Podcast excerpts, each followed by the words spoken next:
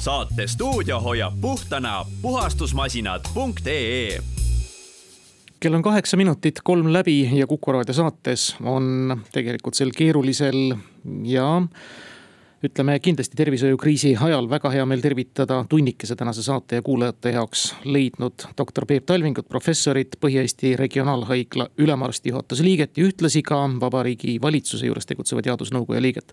tere päevast, doktor ja suur tänu teile seda aega leidmast tere päevast, aitäh, et kutsusite mind.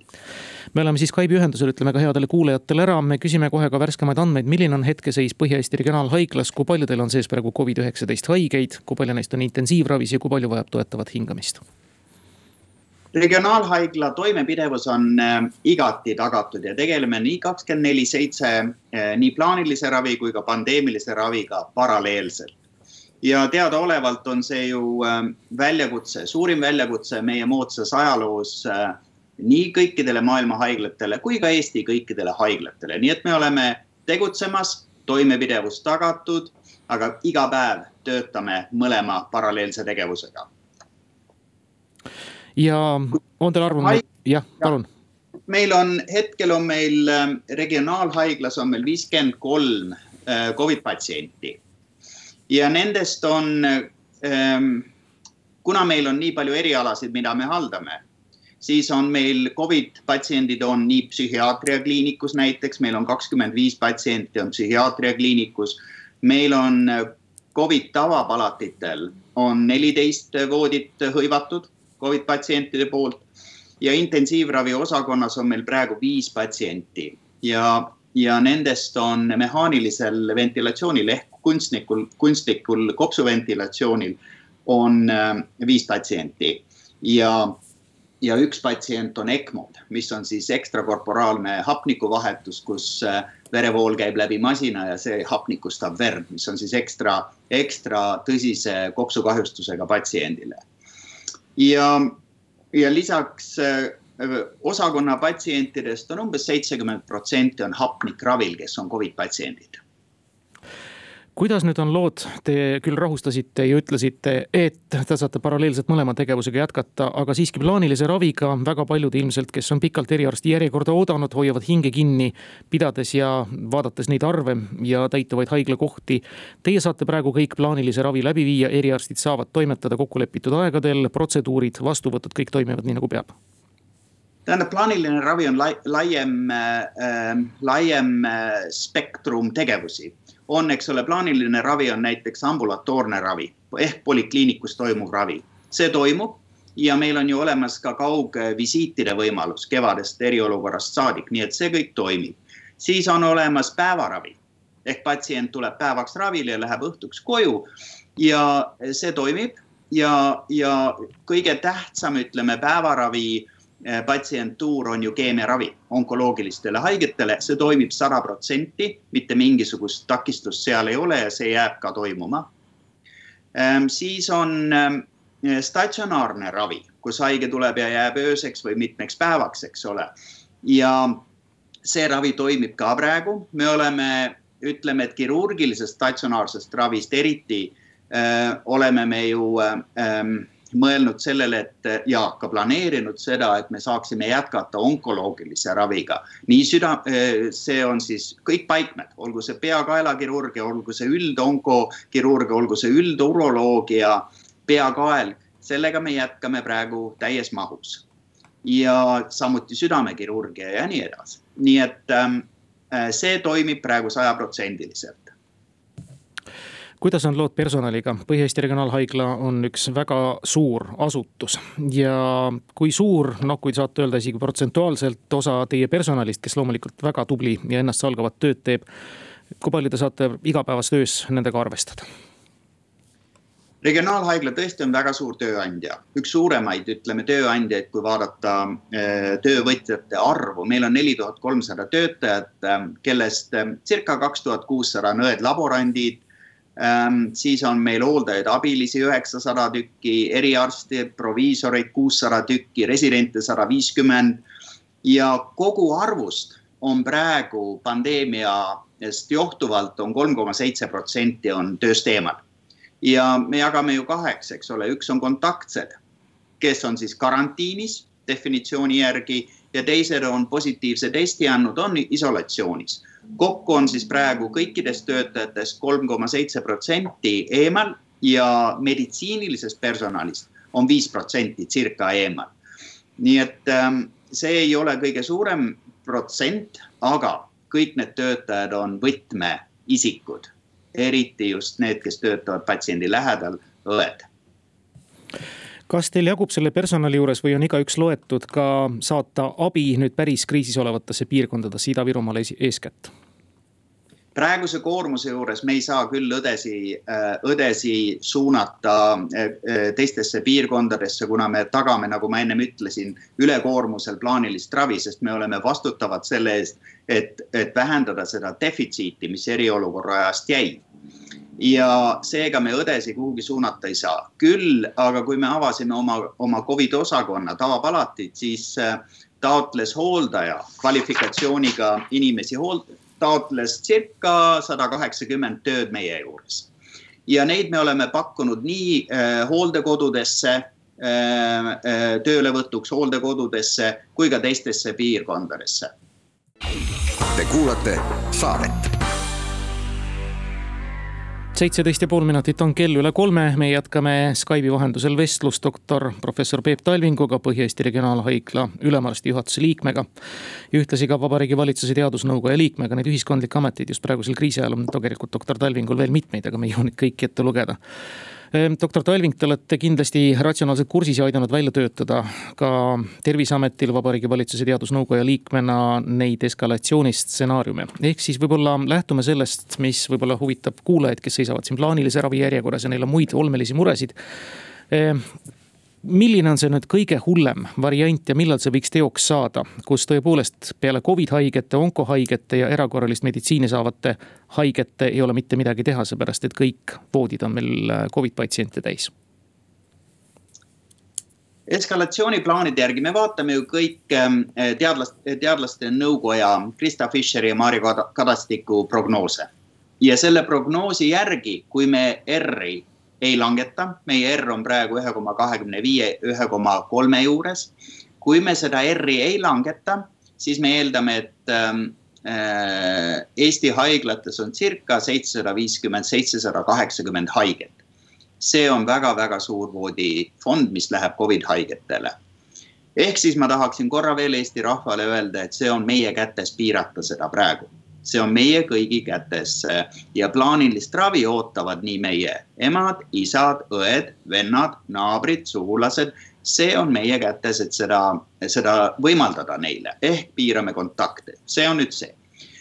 kui, kui me eskaleerime või tähendab, kui viirus eskaleerub ja, ja me R-i alla ei saa, siis äh, regionaalhaigla vaates ähm, on niimoodi, et meil on praegu meie voodifond regionaalhaiglas on, meil on nelikümmend viis psühhiaatria voodikohta, kus on võimekus ja ma ennem ütlesin, et meil oli kakskümmend kuus psühhiaatria voodikohta hõivatud, seal on meil circa nelikümmend protsenti voodifondi veel olemas, nii et ravi toimub.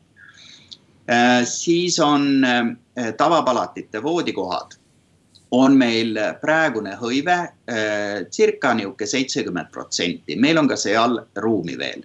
kui me vaatame tervet voodifondi Põhjameditsiinistaabis, me vaatame kõiki voodeid kümnes Põhjameditsiinistaabi äh, ressursina.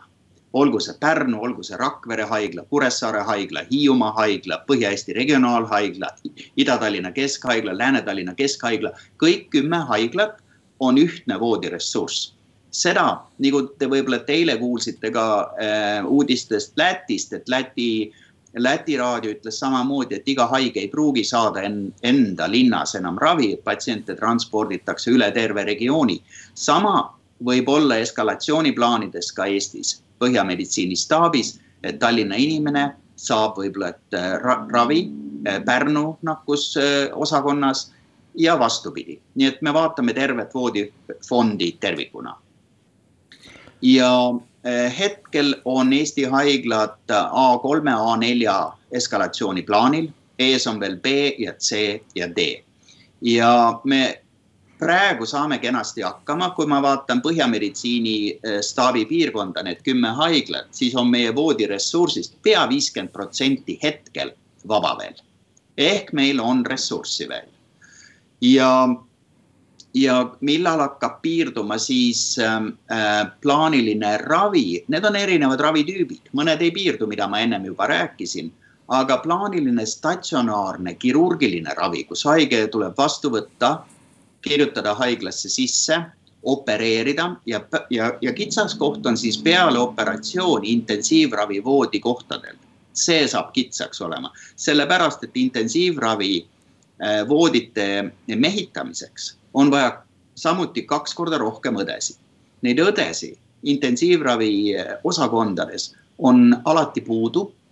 ja nüüd, kui me avame voodeid siis me peame liigutama selle personali, suunama ära näiteks operatsioonikeskusest.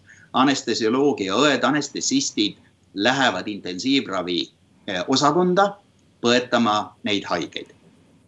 ja seega, kui praegu on regionaalhaigla intensiivravi eh, voodifond selle eskalatsiooni plaanis eh, ja tasemel, kus me hetkel oleme, on neliteist voodikohta. meil on täidetud täna seitse voodikohta. seega seitse on veel tühi kui me liigume täis neliteist voodikohta, peale seda viieteistkümnes, kuueteistkümnes, seitsmeteistkümnes koht hakkab võtma operatsioonikeskusest, anestesioloogiakeskusest korralikult tõdesi ära.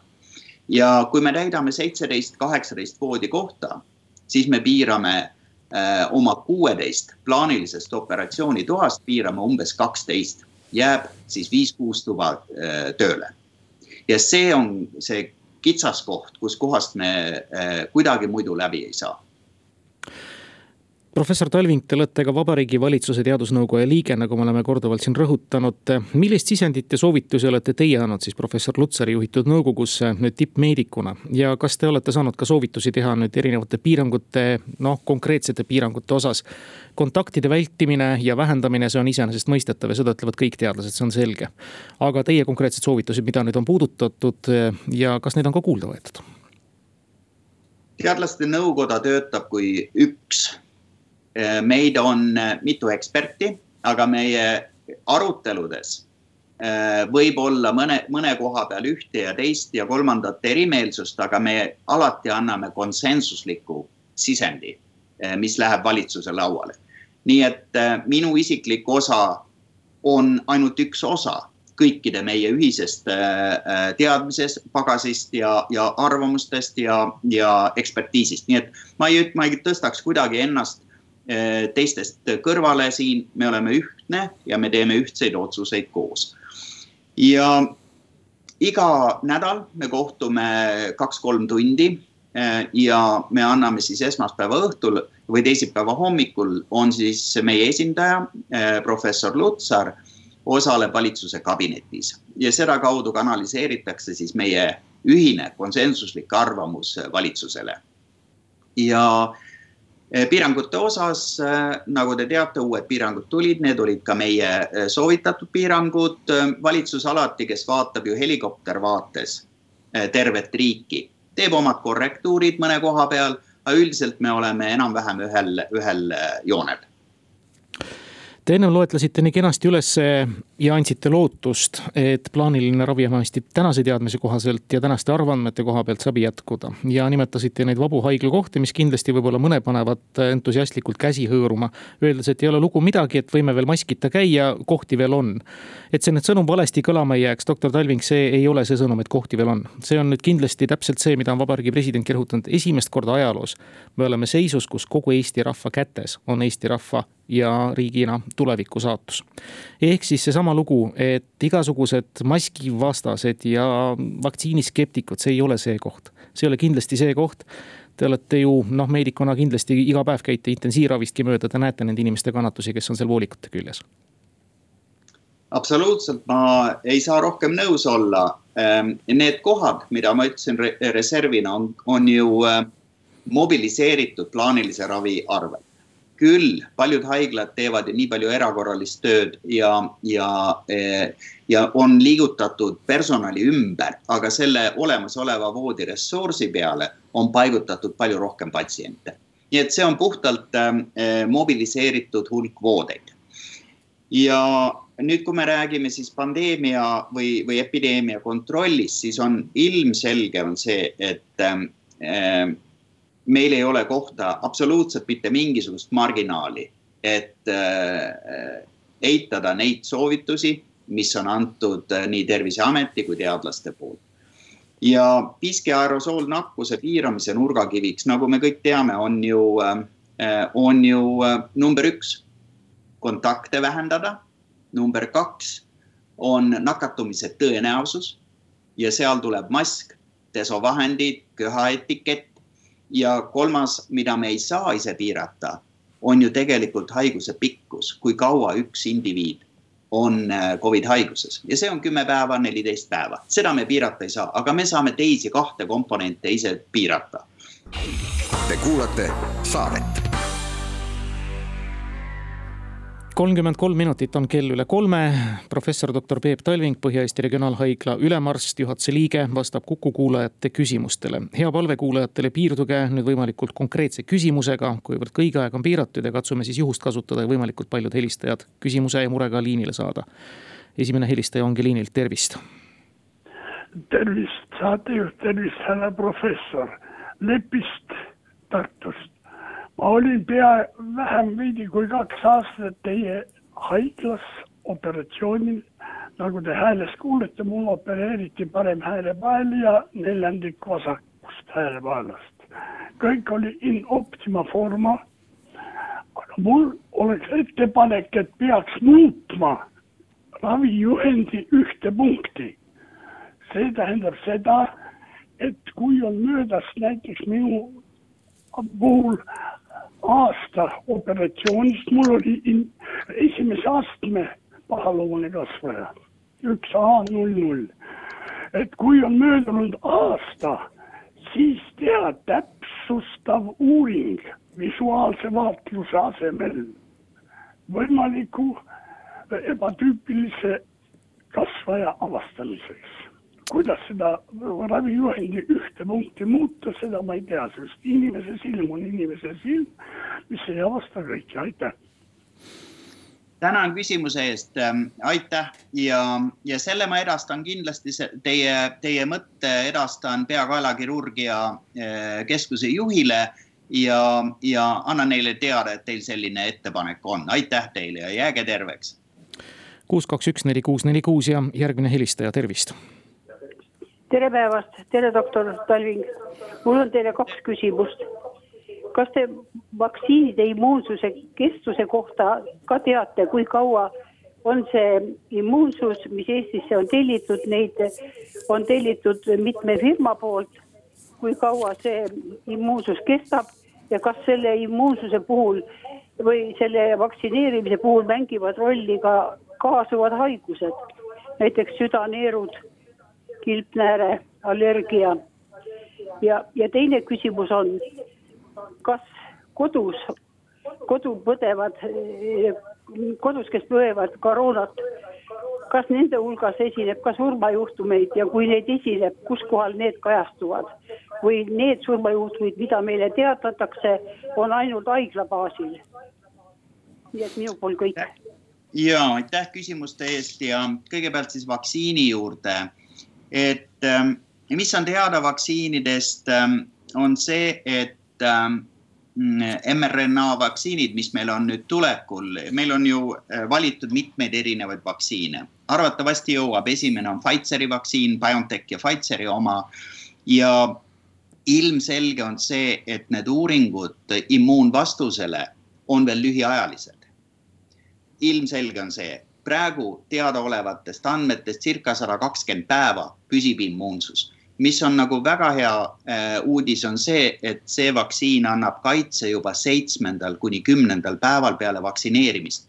ehk siis äh, kolmanda faasi uuringutes platseebo grupp, kes ei saanud vaktsiini, jätkas, jätkusid, tähendab haigestumised raske Äh, respiratoorse puudulikkusega ja kopsupõletikuga. aga see grupp, kes sai vaktsiini, nendel lõppesid haigestumised ja haiglaravi vajadus seitsmendast, kümnendast päevast alates. ehk siis tekkis immuunvastus ja see on minu meelest super hea äh, signaal. nüüd äh, vaktsiinide puhul, kas kaasnevad haigused kuidagi mõjutavad äh,, seda ei oska mina öelda äh,. seda, kõik need infolehed hakkavad tulema logige sisse www.vaktsineeri.ee peaks selle nimi olema ja, ja, ja seal on hästi-hästi palju informatsiooni olemas. nüüd ähm, surmlõpmed äh, on ju ähm, siiski ühendatud Covidiga äh, haigla surmlõpetel. sellepärast, et kui, kui on teada, et on kaasuv Covid ja ütleb, et kodukeskkonnas ähm, peaks surmlõpe tekkima, siis peab, ähm, äh, peab ju kuidagi ähm, tuletama, et kumb oli surma põhjus, mis oli esmane surma põhjus, kas see oli kopsupõletik Covidist või oli see insult või oli see midagi muud. ja need andmed ei ole niivõrd täpsed, sest et praegusel hetkel on on see teadmata, nii et sellele ma ei saa vastata, aga surmlõpped Covid surmlõpped on ikka haiglapõhised praegu, mis lähevad statistikasse. meil on järgmine helistaja küsija liinil, tervist. tere, sihuke küsimus, et äh, millega neid Covidi patsiente ravitakse, sest ju inimesed saavad terveks ka, aga mitte kuskil mitte keegi ei räägi sellest mitte midagi. ja palju neid saab terveks ja palju neid on välja kirjutatud ja kõik on ainult mustades värvides. aitäh. aitäh küsimuse eest, millega ravitakse? Ehm, ravimeid on mitmeid, kõigepealt on toetav ravi. haige, kes vajab haiglaravi, saab toetavat ravi, optimeeritakse tema kaasuvad haigused, pakutakse hapnikravi ja äh, siis on meil olemas ju viirusevastased ravimid ja selleks on Remdesivir. Remdesivir on äh,, on äh,, antakse haigetele, kes vajavad hapnikku hapnikravi ja antakse ka neile, kes vajavad intensiivravi nüüd need haiged, kes vajavad intensiivravi, antakse ka selektiivselt, mitte kõigile ühtemoodi, alati peab vaatama, kuidas haige talub seda ravi. olgu see remdesiviir või, või, või, või hormoonravi, mis on teksametasoon. nii et teksametasoon on teine aine, need kaks äh, ravimit, hormoonravi ja remdesiviir on kaks nagu ütleme, sellist äh, raviomadustega äh, terapeutilist sekkumist, ülejäänud kõik on täna, täna ja, ja, ja veel on toetav ravi ja mis arvandmeid puudutab, ma võin ise härrale vastata, saab muidugi terveks ja väga paljud on terveks saanud. haigusjuhte on Eestis kokku ligemale seitseteist tuhat ja hetkel on neist aktiivsed viis tuhat kuussada kolmkümmend kaheksa, üheksa vähem kui eile, see on hea uudis. ja haiglast on ka välja kirjutatud kaksteist inimest ööpäeva seisuga, seega siis me saame öelda, et umbes kaksteist tuhat inimest on sellest haigusest ka terveks saanud. kuulame järgmist helistajat, tervist. tere päevast ja parimad tervitused doktor Talvingule. ma olen, olin tema patsient, tema lõikas mind, aga mul on jätkuvalt kaebused, aga keegi ei leia midagi, kas, kas doktor Talvingu juurde vastuvõtule on võimalik saada parimad tervitused doktorile. aitäh küsimuse eest, tore kuulda enda patsiendilt enda patsiendile peab ikka ütlema, et jah, küllap ikka saab, mul ei ole praegu polikliinilist vastuvõttu endal ähm,. aga, aga kui te mulle kirjutate, siis ma vaatan, kelle juurde ma saan teid suunata ja, ja proovime lahenduse leida. aitäh teile ja jääge terveks. Peep.Talving ätt regionaalhaigla.ee on aadress, kuulame järgmist helistajat, tervist. tervist Eh, selline küsimus umbes äkki kuskil kuu aega tagasi äh, oli, räägiti sellest, et on võimalik ka määrata koroona siis positiivsust või negatiivsust äh, sülje, sülje võtmise abil või, või tee. mis sellest asjast on saanud? aitäh küsimuse eest, minu, minu, meie kasutame ikka, tähendab, me kasutame, eks ole, praegu testimiseks kuldne standard haiglas on äh, PCR, molekulaartestid siis, see on kõikide juhendite põhine ja mis on kõige-kõige täpsem äh, diagnostika. uued antigeenitestid, mis on hästi kiired testid, on tulemas ja, ja antigeenitestide äh, kasutamist me praegu rakendame seal on natukene on probleemi tundlikkusega ehk täpsusega ja me kontrollime haigla foonil kõik antigeenitestid üle veel mm, molekulaardiagnostilise testiga. nüüd süljepõhised testid ei ole veel meil kasutusel, aga me oleme teadlikud, et nad turule tulevad. praegu eh, mul ei ole andmeid anda, et me haiglas kasutaksime seda. aitäh. ja kuulame järgmist helistajat ja küsijat, tervist. tervist, mul tuli teada, kas ma pean minema seda koroonaviirust tegema või ei pea. Teil tuli teada sõnumiga Elek? elektrooniline tuli ja mina nagu loen sellest küsimusest välja seda, et te olete planeeritud kas plaanilisele ravile ja siis me testime kõiki haigeid, kes võetakse haiglasse vastu. et sellisel juhul jälgige täpselt seda elektroonilist teadet. Saate stuudio hoiab puhtana puhastusmasinad.ee nelikümmend seitse minutit on kell üle kolme. doktor Peep Talving on meil Skype'i vahendusel saatekülaline. me jätkame heade kuulajate küsimuste vastuvõttu, aga rõhutagem seejuures, et piirduge küsimusega ja nüüd üks väike rõhutus veel juurde, et see ei ole doktor Talvingu vastuvõtt praegu haigetele, nii et me räägime ikkagi koroonast, me räägime pandeemiast, kriisist ja erinevatest nõuannetest selles vallas. tervist. halloo. Kuulame teid. tere, mul selline küsimus, et mul oli üks tuttav, kellel Covidi test oli positiivne, aga ta kahtlustas, et tal ei ole seda ja läks kahe päeva, päeva, päeva pärast uuesti ja test oli negatiivne. et küsimus, et kuidas see võimalik on ja teine, teine küsimus, et kui suur see protsent on, et need diagnoosid ei vasta tegelikkusele, on teil selle kohta statistikat? aitäh ja aitäh küsimuse eest, et Covid test nüüd on küsimus, mis test talle tehti. nagu ma ennem rääkisin raadios, siis on olemas ju, eks ole, antigeenitestid, mis on väiksema täpsusega, kui on molekulaartestid.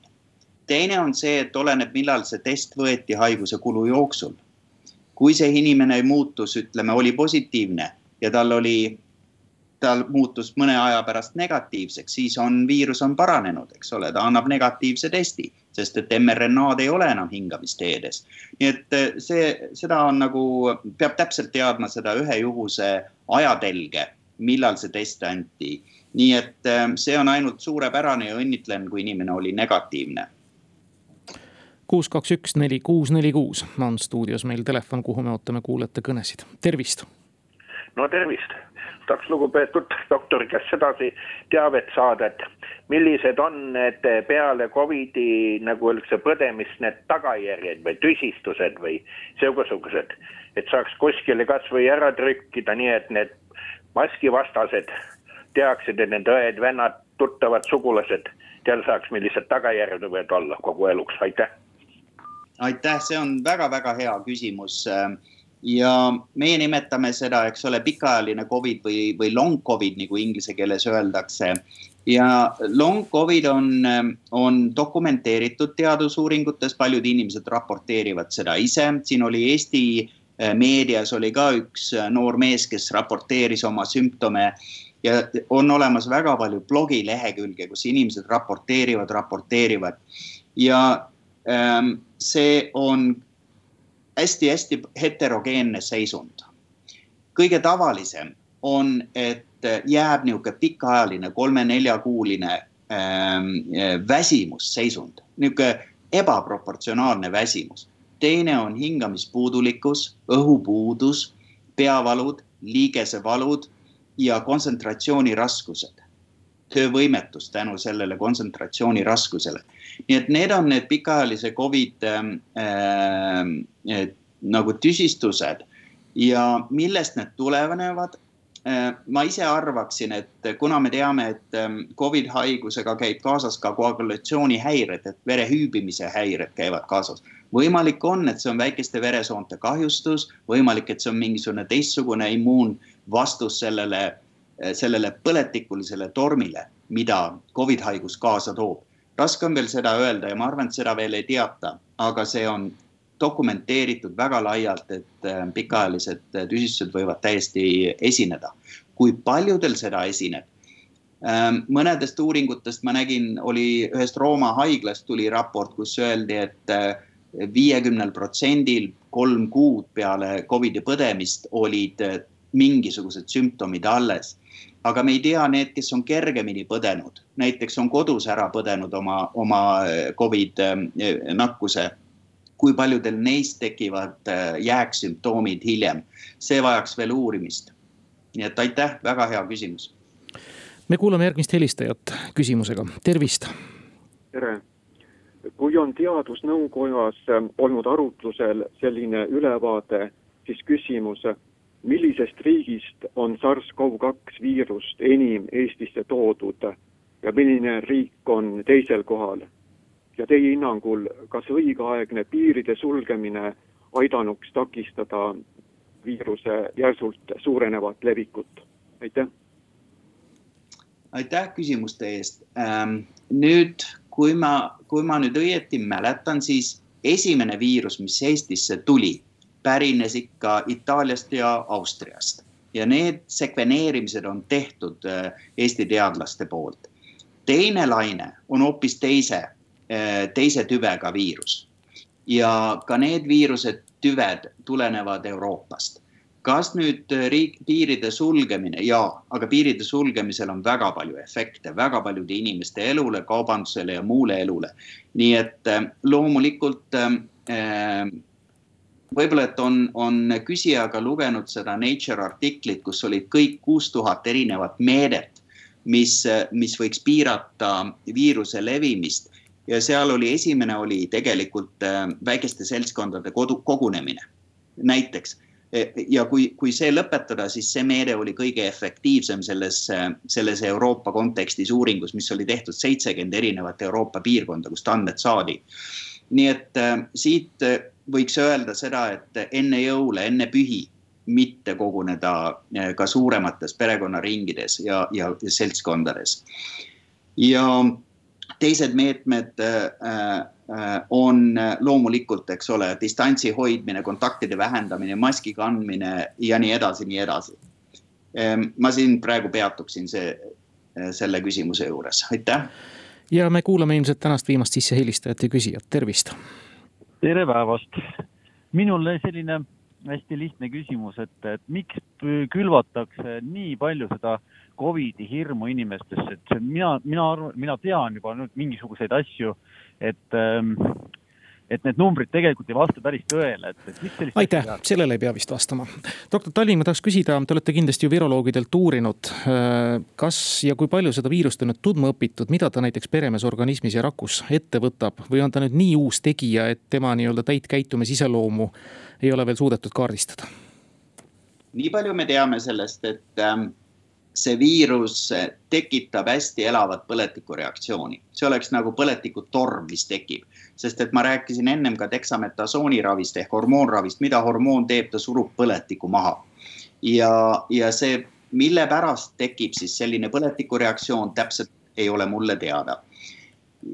ja kuidas siis blokeerida seda ennetavalt, ütleme, piirata seda funktsiooni, seda hästi palju teadust käib ju retseptorite üle, kuhu ogavalk kinnitub. ogavalk kinnitub eh, hingamisteede retseptorite külge, see on nagu sisuliselt nagu lukuauk, kuhu siis võti siseneb, eks ole, ogavalk on võti ja retseptor on, on, on eh, lukuauk. ja kuidas siis blokeerida seda, need retseptorid on nii südamelihasel mis tekitab, eks ole, südamekahjustust ja võib-olla, et seda väsimust, millest me ennem rääkisime. ja need on ähm, paljudes organites olemas. Ähm, nii et see on see, mis, mida, mida uuritakse palju, mis tekitab selle meeletu põletikureaktsiooni ja kuidas seda pärssida ma ei ole viroloog, aga ma olen ühe viiruste raamatu läbi lugenud ja meelde on jäänud, et eelmine väga suur pandeemia sajand tagasi, Hispaania gripp kadus kuidagi ootamatult ja teadlased ei suuda siiani sajaprotsendiliselt kokku leppida, kuidas ta lihtsalt haihtus. ka ebola viirusel on antud see omadus, et ta on aeg-ajalt tulnud ja siis müstilisel kombel kadunud et kas me teame, miks viirused kaovad ja kas on sama loota ka, noh, hea küll, vaktsiin tuleb kõigepealt, aga lihtsalt iseeneseslikku haistumist näiteks Covid üheksateistkümne puhul see oleneb ju see, mis, kus kohas see viirus, eks ole ju ütleme, peatub, kui inimesed nüüd tervenevad. kui ta tuleb loomamaailmast, kui ta tuleb nahkhiirtelt, siis tal on ju siiski reservuaar jääb olema. ja, ja samamoodi siin, et ega see viirus ei lõpe sellega, et meil tekib vaktsiin. kõigepealt me peame vaktsineerima ära ju, kõige parem oleks kui, kui sada protsenti inimkonnast oleks vaktsineeritud, aga seda me kunagi ei saa teha. Kui me vaktsineerime ära seitsekümmend, kaheksakümmend protsenti populatsioonist, on meil karjaimmuunsus läbi vaktsineerimise ja maailm funktsioneerib edasi kindlasti jäävad teatud grupid, me ei tea praegu näiteks lapsi, kas vaktsineerida ja või ei. kas äh, rasedaid lap, äh, lapsi ootavaid emasid, kas neid vaktsineerida ja nii edasi. see, kõik need andmed on ju niivõrd uued, et pikaajaline jälgimine ja suuremate gruppide kaasamine äh, ravimiuuringusse, vaktsiiniuuringusse annab need vastused suur-suur tänu teile, doktor Peep Talving. me soovime tõesti kõigile, ka teie headele kolleegidele sealtsamast Põhja-Eesti Regionaalhaiglast kindlasti rahulikke jõule. võtke ikkagi niimoodi, et sõna otseses mõttes ennast lõhki ei tõmba tööga. meie kõigi enda teha on see, et ennast lõhki ei tõmbaks tööga, et meie lähedased jääksid jõuluajaks ja uueks aastaks terveks, jõuaksid ära oodata vaktsiini. ja me saaksime palju elutervemalt ja noh, nii-öelda rõõmsamalt ja tegude rohkemalt uuel aastal tegutseda ja olla. aitäh teile, doktor, edu, jõudu aitäh ja püsige terved kõik.